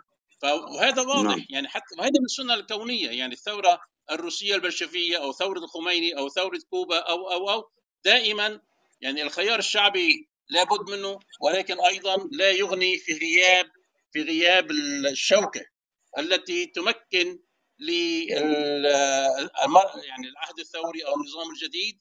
وهذه الشوكة يجب أن قطعا يجب أن تقصي وت- وتستأصل وتزيح من من الطريق أي مكونات لما يسمى الثورة المضادة. وهذا يعني من بديهيات فيما أرى من بديهيات الدروس التي يجب استخلاصها. وبالتالي لابد من استمرار البناء. يعني الشيخ حازم فرج الله اسره وجزاه الله عن خيرا لابد من استمرار المضي في هذا المشروع تكوين الجيل الجديد وتجهيز القوى الواعية لاغتنام الفرصة القادمة وهي قادمة حتما. فحبذا لو الدكتور عطية يسلط الضوء على هذه الناحية يعني مسألة آه، مشروع الأمة إذا سميناه وفعلا الاستعداد للجولات القادمة من الصراع وبارك الله فيكم. جزاك الله خير. تفضل دكتور عطية أشكرك دكتور. يعني آه نعم نعم يعني لابد أن الخطوة الأولى المنسية كما سميتها في مقالة سابقة الخطوة الأولى المنسية يعني عندما خرجنا من مصر ويعني استوطنا هنا في آه، المهجر آه، بدأ الناس يتكلمون في بداية الأمر عن كسر الانقلاب ودحر الانقلاب والتخطيط لإيقاع الانقلاب فقلت لهم يا جماعة لا يوجد شيء اسمه انقلاب أصلا هو لم. لم نحكم حتى نقول إن هناك انقلاب حصل علينا. النظام القديم يعني يعني عدل أوضاعه وعاد لما كان عليه فقط ليس إلا. فدعونا من هذا وتعالوا إلى الخطوة الأولى المنسية. الخطوة الأولى وهي أن نجلس معا ونضع مشروعا. نضع مشروعا آه، آه، اسلاميا لمصر وللأمة الإسلامية مشروع ننطلق منه. هذا المشروع ينبثق عن رؤية إسلامية واضحة. هذا المشروع لابد أن يكون له أهداف وله مراحل وله غايات ومقاصد وله منطلقات ننطلق منها تكون منطلقات إسلامية نقية. وله كذلك وأن نعرف هذه المراحل وما هي التحديات وما هي العقبات وكيف نذللها وما هي الروافع الموجودة وكيف نستفيد منها. وإلى آخره من مكونات المشروع الاسلامي التي ينبغي أن آه، نتكلم فيها ثم نمضي على وفق هذا المشروع خطوة خطوة ونحن ندرس خطواتنا وننظر إلى طريقنا. هذا ما دعوت إليه في في في في العام الأول من هجرتنا إلى هنا. ودعونا يا إخواني من ردود الأفعال هذه ومن هذا الخبط العشواء الأيام تمر ونحن. وهكذا إلى يومنا هذا الخطوة الأولى المنسية لا تزال منسية. ولا ولا تزال مطويه لا يمكن ابدا لا يمكن ابدا أن نمضي على الطريق ونقول إننا مضينا إلى الأمام وقطعنا خطوات حتى نقف اولا مع أنفسنا وقفة. آه، آه، آه، لا أقول نجلد فيها الذات ولا أقول يعني لا إنما أقول يعني نقوم فيها المسار يعني ننظر إلى ما أين كانت الأخطاء بالتحديد ثم نضع مشروعنا منبثقا من إيه؟ من عقيدتنا ومن ديننا ومن ويراعي الواقع الذي نعيشه وينظر إلى المستقبل نضع هذا المشروع ونجمع عليه آه، ال- ال- المسلمين أو على الأقل يعني أهل العمل الإسلامي وننطلق بهذا المشروع خطوة بعد خطوة أما بدون رؤية ومشروع العالم كله يعني آه، آه، العالم كله له مشروع. الشيعة الشيعة لهم مشروع واضح لهم مشروع واضح وهم يمضون في تحقيق هذا المشروع من اللحظة الأولى لقيام آه، ثورة الخميني. هذا مشروعهم يمضون فيه ويمضون فيه خطوات إلى الأمام. أما نحن أهل السنة ليس لدينا هذا المشروع الواضح. صحيح كتب الناس كل واحد كتب وجهة نظره وأنا ممن كتب. كتبنا آه نعم لكن هذا الذي كتبناه يعتبر مشروع المشروع الإسلامي من وجهة نظر فلان لكن يكون مشروعا لنا عندما تلتقي عليه كلمتنا ونجتمع عليه ونتدارسه ونتراضى عليه ونتواضع عليه ونصطلح عليه ثم ننطلق منه إلى العمل المرتب المنظم الذي يمضي بنا خطوة خطوة إلى الأمام. هذا هو الذي يعني يعني كان يقصده الشيخ حازم عندما كان يتكلم عن رؤية الأمة الإسلامية وما إلى ذلك. وهذا الذي أردت أن أذكر به بمناسبة الحديث عن الشيخ حازم. إحنا يعني لا نريد أن نكتفي بال الوعي البعدي وإن كان مهما وإن كان خبرة مضافة ولكن نريد أن نعرف كيف كيف استطاع حازم أو إسماعيل أن يعني يحوز هذا الوعي القبلي. هو لم يكن خارقا ولم يكن يعلم الغيب وإنما استطاع أن يحوز هذا الوعي القبلي المبكر بعدة مؤهلات يجب على الساحة الإسلامية أن تسعى إلى حيازة هذه المؤهلات وأن تعمل على هذه الخطوط التي عمل عليها حتى يتكون لديها وعي قبلي يستشرف المستقبل ويعالج قضايا الأمة في ضوء هذا الاستشراف مع استصحاب قواعد الشرع الحنيف. فهذا الذي قصدته والله تعالى أعلم. جزاك الله خيرا. أستاذ قلب أرسلان تفضل. السلام عليكم ورحمة الله وبركاته. السلام. وعليكم السلام ورحمة الله. آه، تحياتي لكم جميعا. آه، طبعا هو الدكتور الدكتور عثمان اتكلم أو أو الدكتور آه، دكتور عطية اتكلم والإخوة الأفاضل. يعني آخر نقطة مسألة هو نشأة الشيخ حازم أو المنهج ال- السياسي اللي هو اتربى عليه لأن هو يعني هو ربنا يفك أسره. يعني اتربى في بيئة بيئة علمية يعني ووالده رحمة الله عليه يعني كان رجل سياسي يعني. الشيخ صلاح أبو إسماعيل ربنا يرحمه كان رجل سياسي يعني فهو نشأ في بيت علم وبيت سياسة يعني. هو الشيخ حازم كان كان عالم ابن عالم ابن عالم يعني. آه وطبعا ال- ال- اللي راجع تاريخه أو كده أو حتى اللي كان هو قاله يعني يعني على الرغم من آه تفوقه يعني في المجال الدراسي أو كده اختار مهنة المحاماة لأسباب كتير. آه أنا بس ال- ال- اللي أنا عايز عايز أدلل عليه اللي أنا عايز أدلل عليه هو المسألة اللي هي المطروحة اللي هي عملية التغيير. آه، اللي راجع يعني سيرة الشيخ حازم أو والده رحمة الله عليه لقى إن هو كان بيشتغل بالمتاح. كان بيشتغل بالمتاح ورغم ذلك طبعا هو ما كانش بيداهن في المنهج بتاعه وكان بيوضح يعني بيبلغ ال- اللي عليه حتى في يعني في, وقت ال ال ال ال ال القبضة الأمنية وكده يعني هو والده الشيخ صلاح أبو إسماعيل برضو كان يعني مرهوب الجناب يعني لدرجة إن في واقعة لو الناس تعرفها آه، كان الشيخ صلاح أبو إسماعيل والده ضرب وزير الداخلية في في البرلمان ضربه بالكف يعني. المهم طبعا هو الشيخ حازم يعني كان برضو من ضمن ال- الحاجات برضو يعني هو لأن هو سياسيا وعى من هو في سن صغير يعني كان والده في في البهو اللي هو بتاع ال- ال- البرلمان كان كان بيحضر الجلسات والمناقشات والمداولات ما بين الأعضاء بتوع البرلمان اللي هو كان برلمان مبارك يعني وشاف وشاف شاف بقى التغيير اللي هو أو يعني هو كان بيسعى في مسألة التغيير من الداخل تمام؟ أو بال- بالآليات اللي هي المتاحة. ووقت ما الثورة حصلت كان بيشتغل بأدوات الثورة وهو الراجل يعني فك الله أسره رسخ لمنهج يعني. يعني أنا أتذكر إنه كان في قبل أيام الانقلاب الأخيرة باين يوم 25 يونيو آه، كان على قناة أمجاد.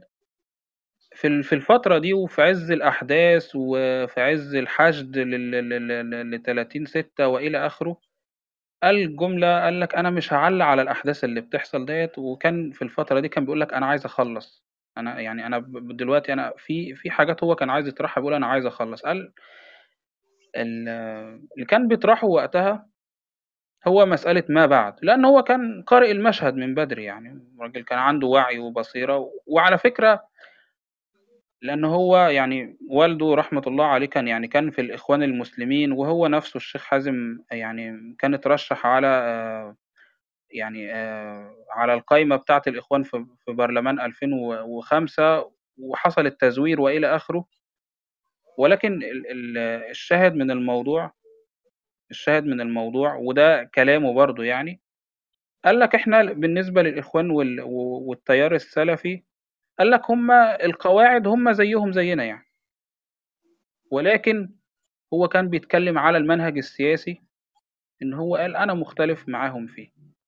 وحتى لو برضو اللي فاكر اللقاءات كان مع خالد عبد الله آه، الشيخ حازم كان اتكلم عن آه، منهج حزب النور قال لك أنا أبرأ منه آه، أبرأ إلى الله منه دنيا وآخرة.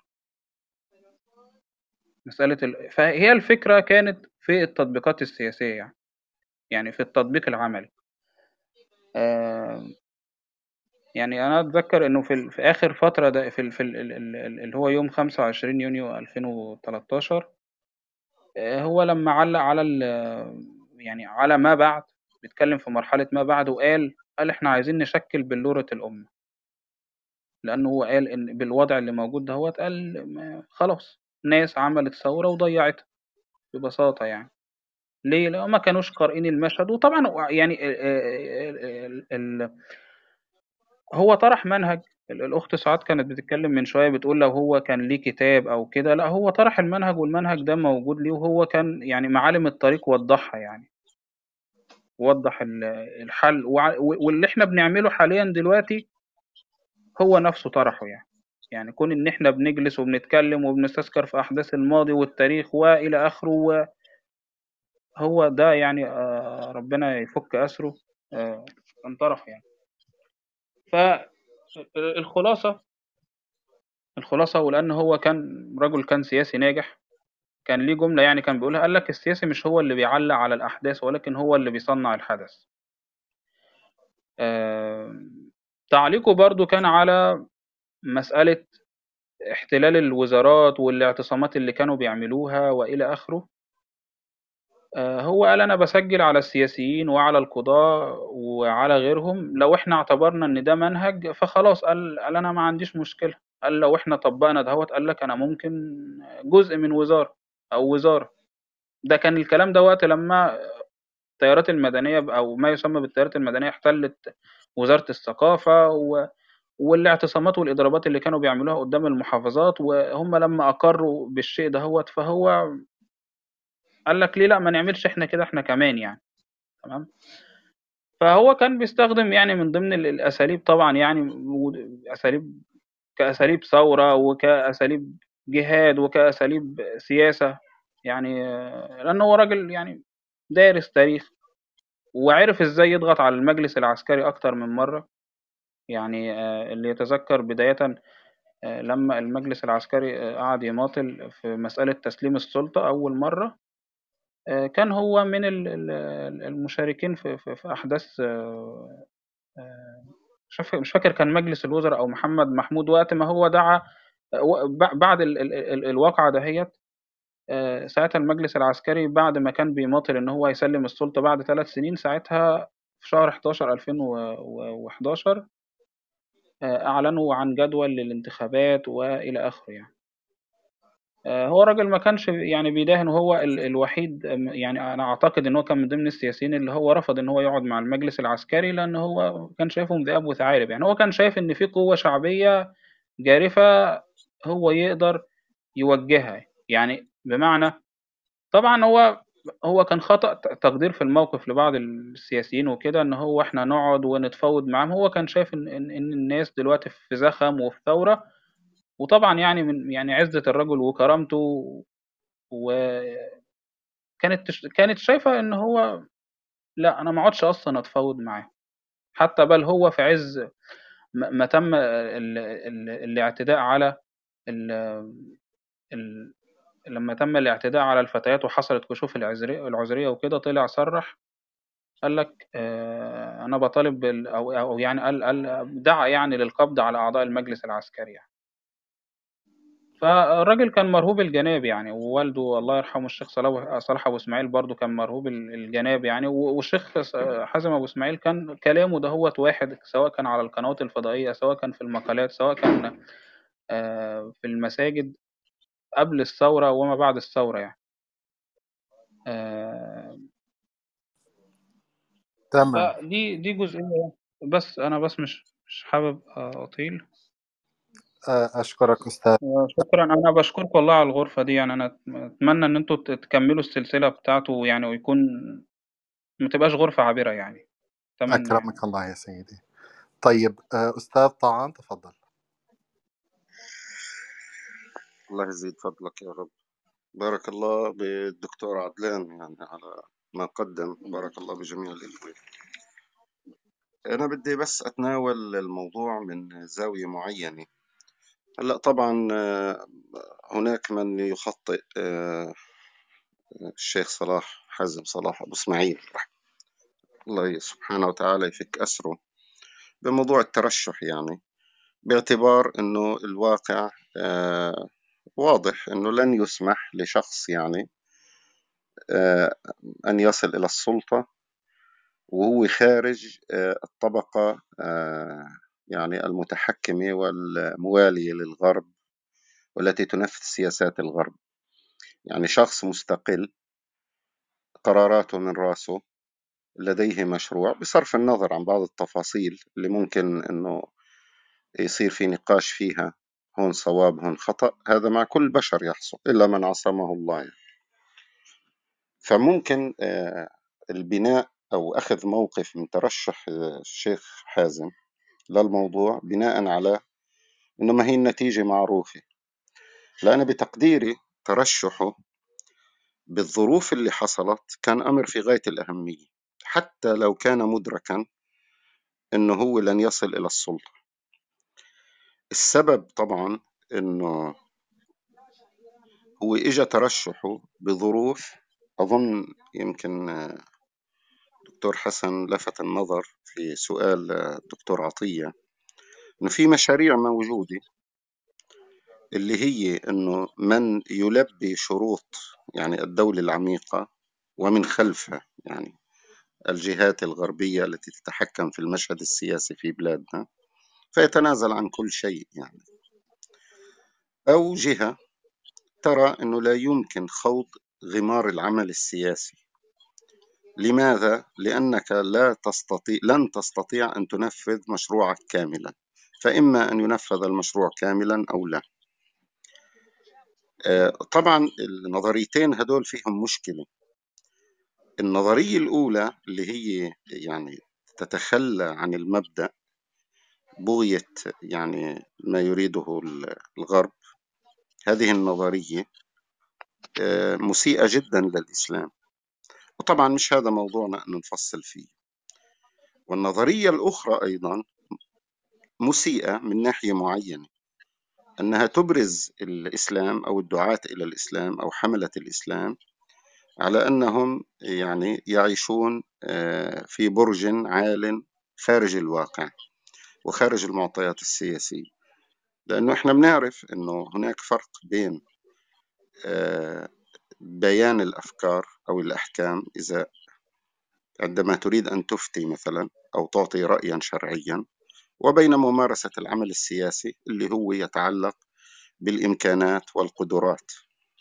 فأنا عندي ش... عندي 100 شغلة بدي أنفذهم. عندما أنزل إلى الواقع فأجد إنه أنا أستطيع أن أنفذ 70 مثلا أو 60 أو 50 طبعا هذا شيء وان أنغمس في الواقع وبذريعة الضعف أن أؤيد ما يخالف الإسلام مثلا أو ألبي شروط الأعداء. هذا موضوع تاني صار. نحن نتكلم عن أمر محدد اللي هو انه أنا لا أستطيع أن أنفذ ما أريده كاملا. لاعتبارات معينة تتعلق بالإمكانات. وهذا موضوع منفصل تماما عن أن تلبي يعني شروط الأعداء. طبعا الشيخ حازم صلاح. الظرف اللي إجا فيه مهم جدا كان فعلا ترشحه. لماذا؟ لأنه هو بين وأظهر أنه في مشروع إسلامي سياسي. هذا المشروع لا هو يؤيد الباطل وينخرط معه ويتنازل عن مبدئه ويلبي شروط الغرب. يعني كما فعل الإخوان المسلمون في مصر وفي تونس وفي غيرها. فهنا أبرز أنه لا الإسلام متميز ودعاة الإسلام والذين يحملون الإسلام لا منهم من يطرح الإسلام بوصفه مشروع سياسي. وأبرز أيضا من ناحية ثانية إنه الذين يحملون الدعوة إلى الإسلام ليسوا مجرد ناس منظرين بعيدين عن الواقع لا يفقهون الواقع. آه، أو يتعاملون مع الواقع بنظريات. أساسا هو هم لبوش مشروع الغرب. هم قراءتهم للواقع ما أو يعني الواقع أو يعني تطبيقهم السياسي كان هو خاطئ. أنا بقول لك يعني هو الشيخ حازم برضو كان من الإخوان يعني كان والده كان من الإخوان المسلمين وأنا بقول لك هو نفسه ذكر قال لك الاختلاف كان في في المنهج السياسي مش في ال... يعني في المنهج السياسي في تقدير الموقف نفسه يعني فقه الواقع.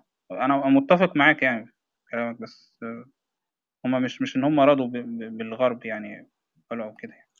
تمام آه، ف- دليل إن هو الآخر ما رفض يعني رفضوا للمقاطعة يعني لا أنا مش بقاطع أنا آسف بس هي تدخل بسيط يعني. آسف على الله يبارك فيك. لا هو هو يعني موضوع ال... يعني موضوع الإخوان مش موضوعنا. يعني هو طبعا المسألة مش الشيء اللي طرحه الشيخ صلاح أبو إسماعيل 180 درجة مختلف عن اللي فيما يتعلق بالعلاقة مع الغرب مختلف تماما عن الإخوان. يعني الإخوان عطوا تنظير للموضوع يعني مش مجرد إنه موقف سياسي. يعني الإخوان المسلمين قائمة فكرتهم في التعامل بالواقع السياسي في مصر مثلا في تونس في غيره إنه المتحكم هو الغرب. لن تستطيع أن تفعل شيئا إن لم تنل رضاه. ولذلك يجب أن نلتقي بالساسة الغربيين ونقنعهم إنه إحنا لما نوصل للسلطة مصالح أمريكا مصالح الغرب مؤمنة. يعني هم. حتى يعني الإخوان المسلمين تأوا بالسفيرة الأمريكية بالقاهرة يعني وأبلغوها. آه هذا هذا التفكير وهذا المشروع اللي هم ماشيين فيه. على كل حال مش هو هذا لب الموضوع. يعني أنا وصلت عند نقطة على ما أذكر إنه كنت عم بقول. يعني ترشح الشيخ حازم صلاح أبو إسماعيل الله يفك أسره ويجزيه كل خير أبرز هذه النقطة إنه هو في مشروع إسلامي لا يندمج بالمشروع الغربي بل هو كان ينادي بأنه أن لا يكون هناك سيطرة للدول الغربية على بلادنا. ومن ناحية تانية أنه المشروع الإسلامي مش مشروع تنظيري. هذه تقديري أنا. ولذلك آه، ترشحه كان نقطة مهمة في يعني فيما جرى. أه والله يجزيه الخير طبعا. أه طبعا أنا مش بصدد يعني تقييم ما ما قاله هو أو تفاصيل ما قاله في خلال ترشحه أو قبل أو شيء. هذا يناقش يعني. وكل إنسان وخاصة فيما يتعلق بالعمل السياسي ال- العمل السياسي يناقش إنه أحيانا الإنسان مثلا يقوم بعمل بناء على تصور لديه إنه هكذا هي قدراته هو يغفل إنه لا قدراته أكبر من هيك. واحيانا واحد مثلا بتهور بناء على إنه يظن إنه قدراته يعني أكبر بكثير مما لديه فتحتاج إلى أن تناقشه وتفهمه. أن قدراتك لا تسمح لك بأن تخطو هذه الخطوة. هذا العمل السياسي هيك بهالدنيا يعني. فالله يبارك فيه ويجزيه الخير ويفك أسره. ونسأل الله سبحانه وتعالى يعني إنه تكثر الحالات في الأمة الإسلامية اللي يمارسوا العمل السياسي على أساس الإسلام. يعني لا يتنازلوا عن الواقع عن الإسلام عفوا اللي يعني يندمجوا في الواقع ومن ناحية تانية أن يبصروا ماذا يعني ما هو هذا الواقع؟ ما ما هي القدرات والإمكانات التي لديهم؟ ماذا يستطيعون أن يفعلون؟ وهذا جوهر العمل السياسي. وبارك الله فيكم. أكرمك الله أستاذ آه، طعن طيب دكتور عطية أنا أريد أن أترك المداخلة الأخيرة لك آه، لكي تغطي ما تريد تغطيته.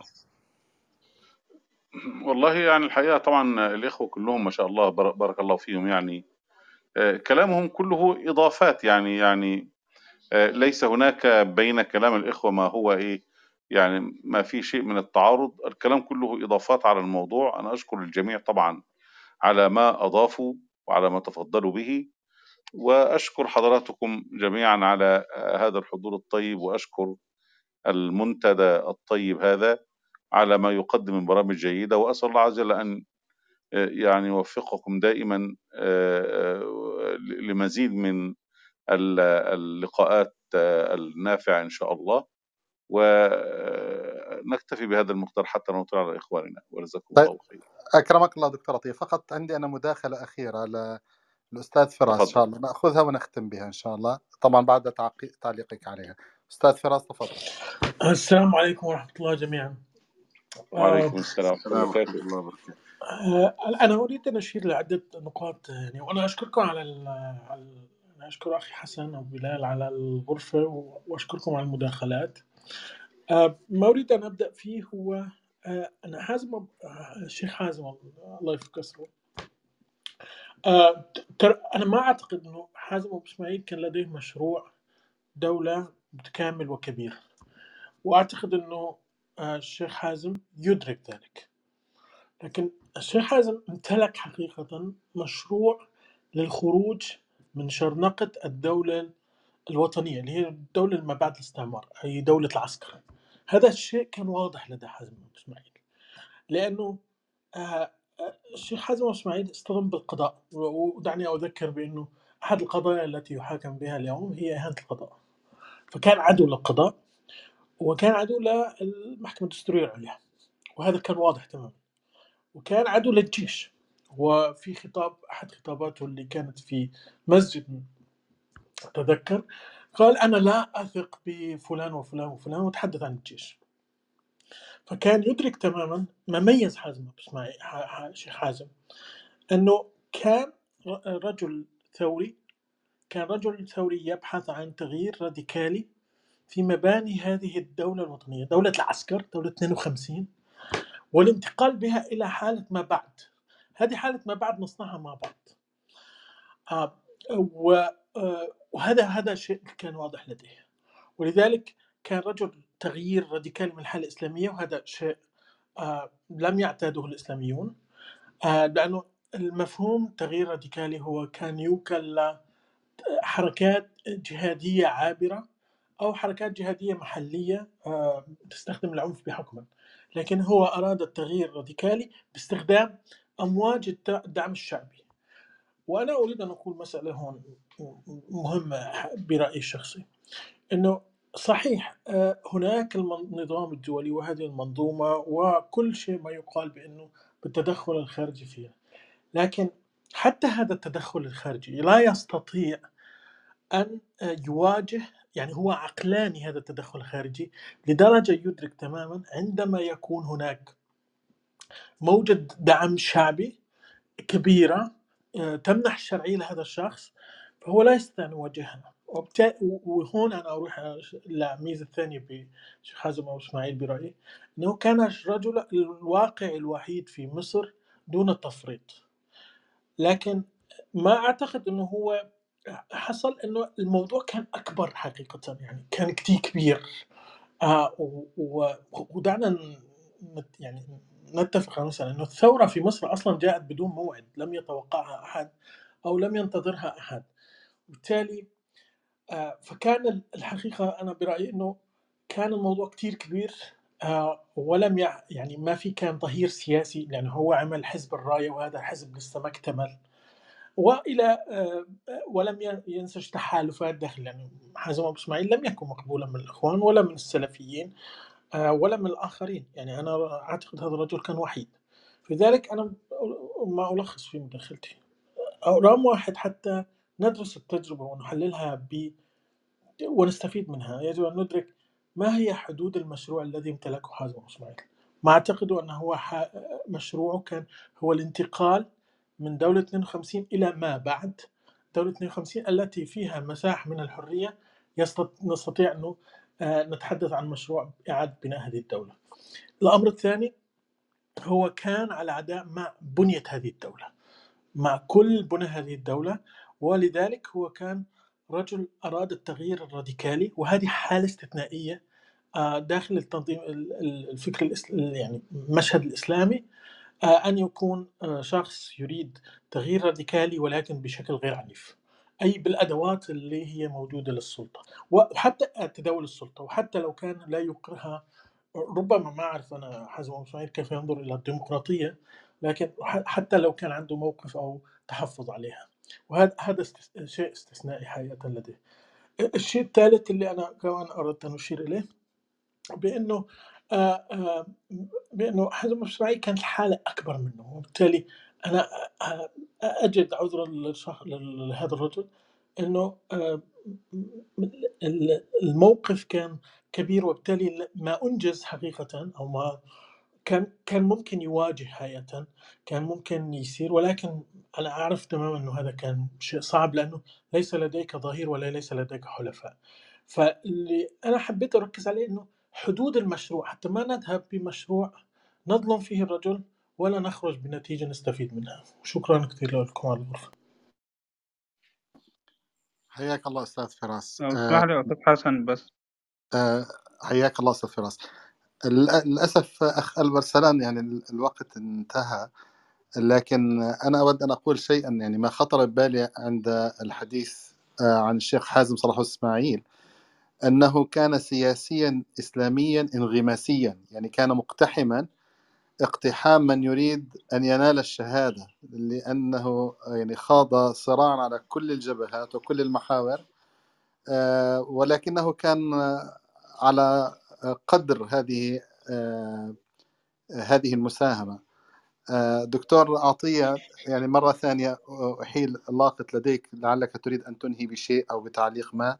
جزاك الله خيرا. جزاكم الله خيرا. أنا فقط عندما تحدث الأخ عن حزب الراية الذي كان الشيخ حازم يريد أن يؤسسه ذكرني بشيء لم أذكره في سياق حديثي وهو أن الشيخ حازم أبو إسماعيل قبل الانقلاب بشهور قليلة كان في مفاوضات بيننا في حزب الإصلاح أنا كنت رئيس حزب الإصلاح وكان حزب مؤسس يعني وكان آه، أعضاء الهيئة العليا في الحزب كانوا كلهم يعني إيه يعني كوادر قوية يعني.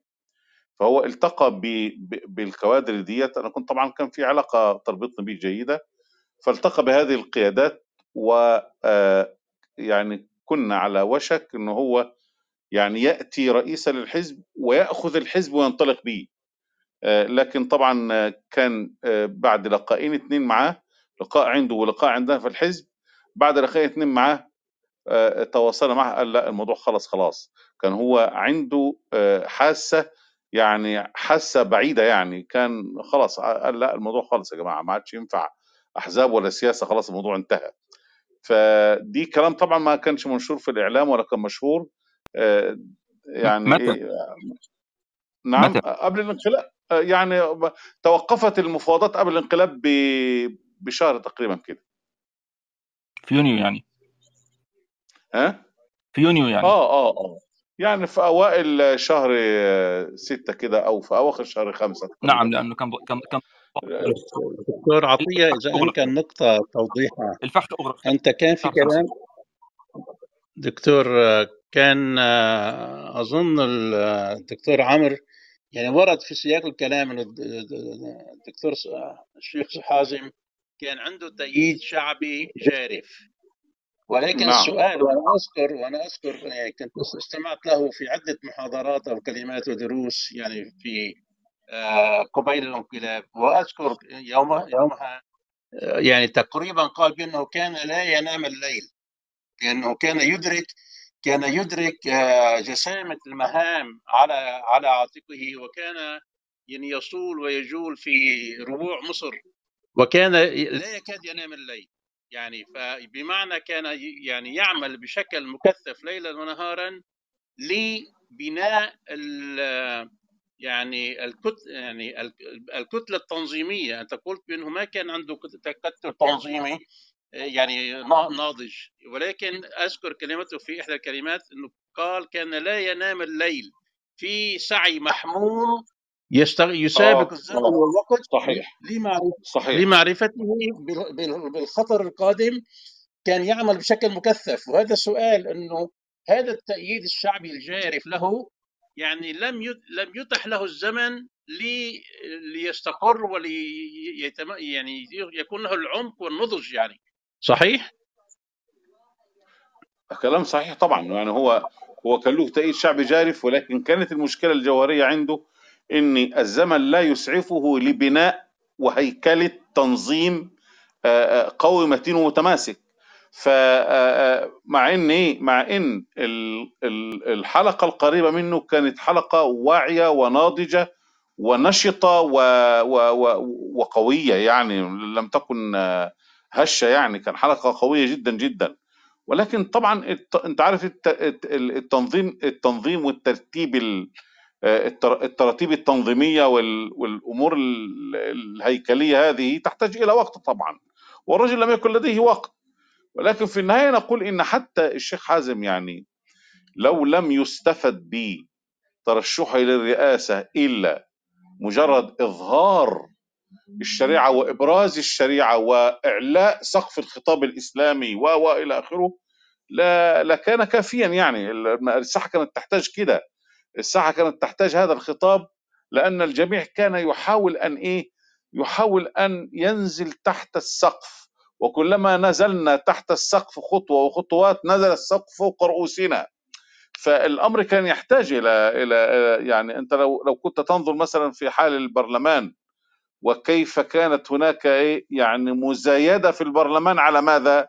مش على رفع القضية الإسلامية لأ على خفض الخطاب الإسلامي. فكان الخطاب الإسلامي في انخفاض شديد فكانت الساحة تحتاج إلى من يرفع سقف الخطاب الإسلامي ورفع سقف الخطاب الإسلامي أفاد الجميع حقيقة يعني.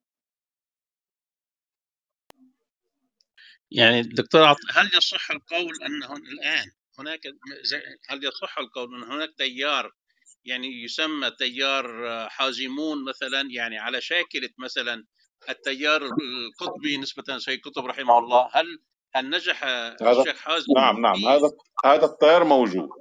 هذا التيار آه. موجود ولكنه تيار غير آه، مهيكل وغير منظم وفي نفس الوقت هذا التيار تم يعني قمعه في داخل مصر يعني لم يعد له إيه نشاط كبير. لكن هذا التيار موجود.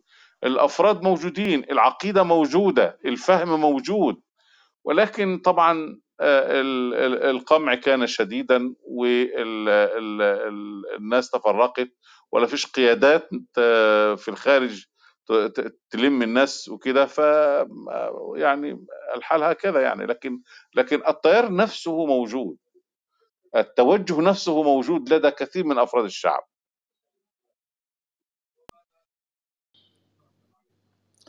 طيب خيرا إن شاء الله.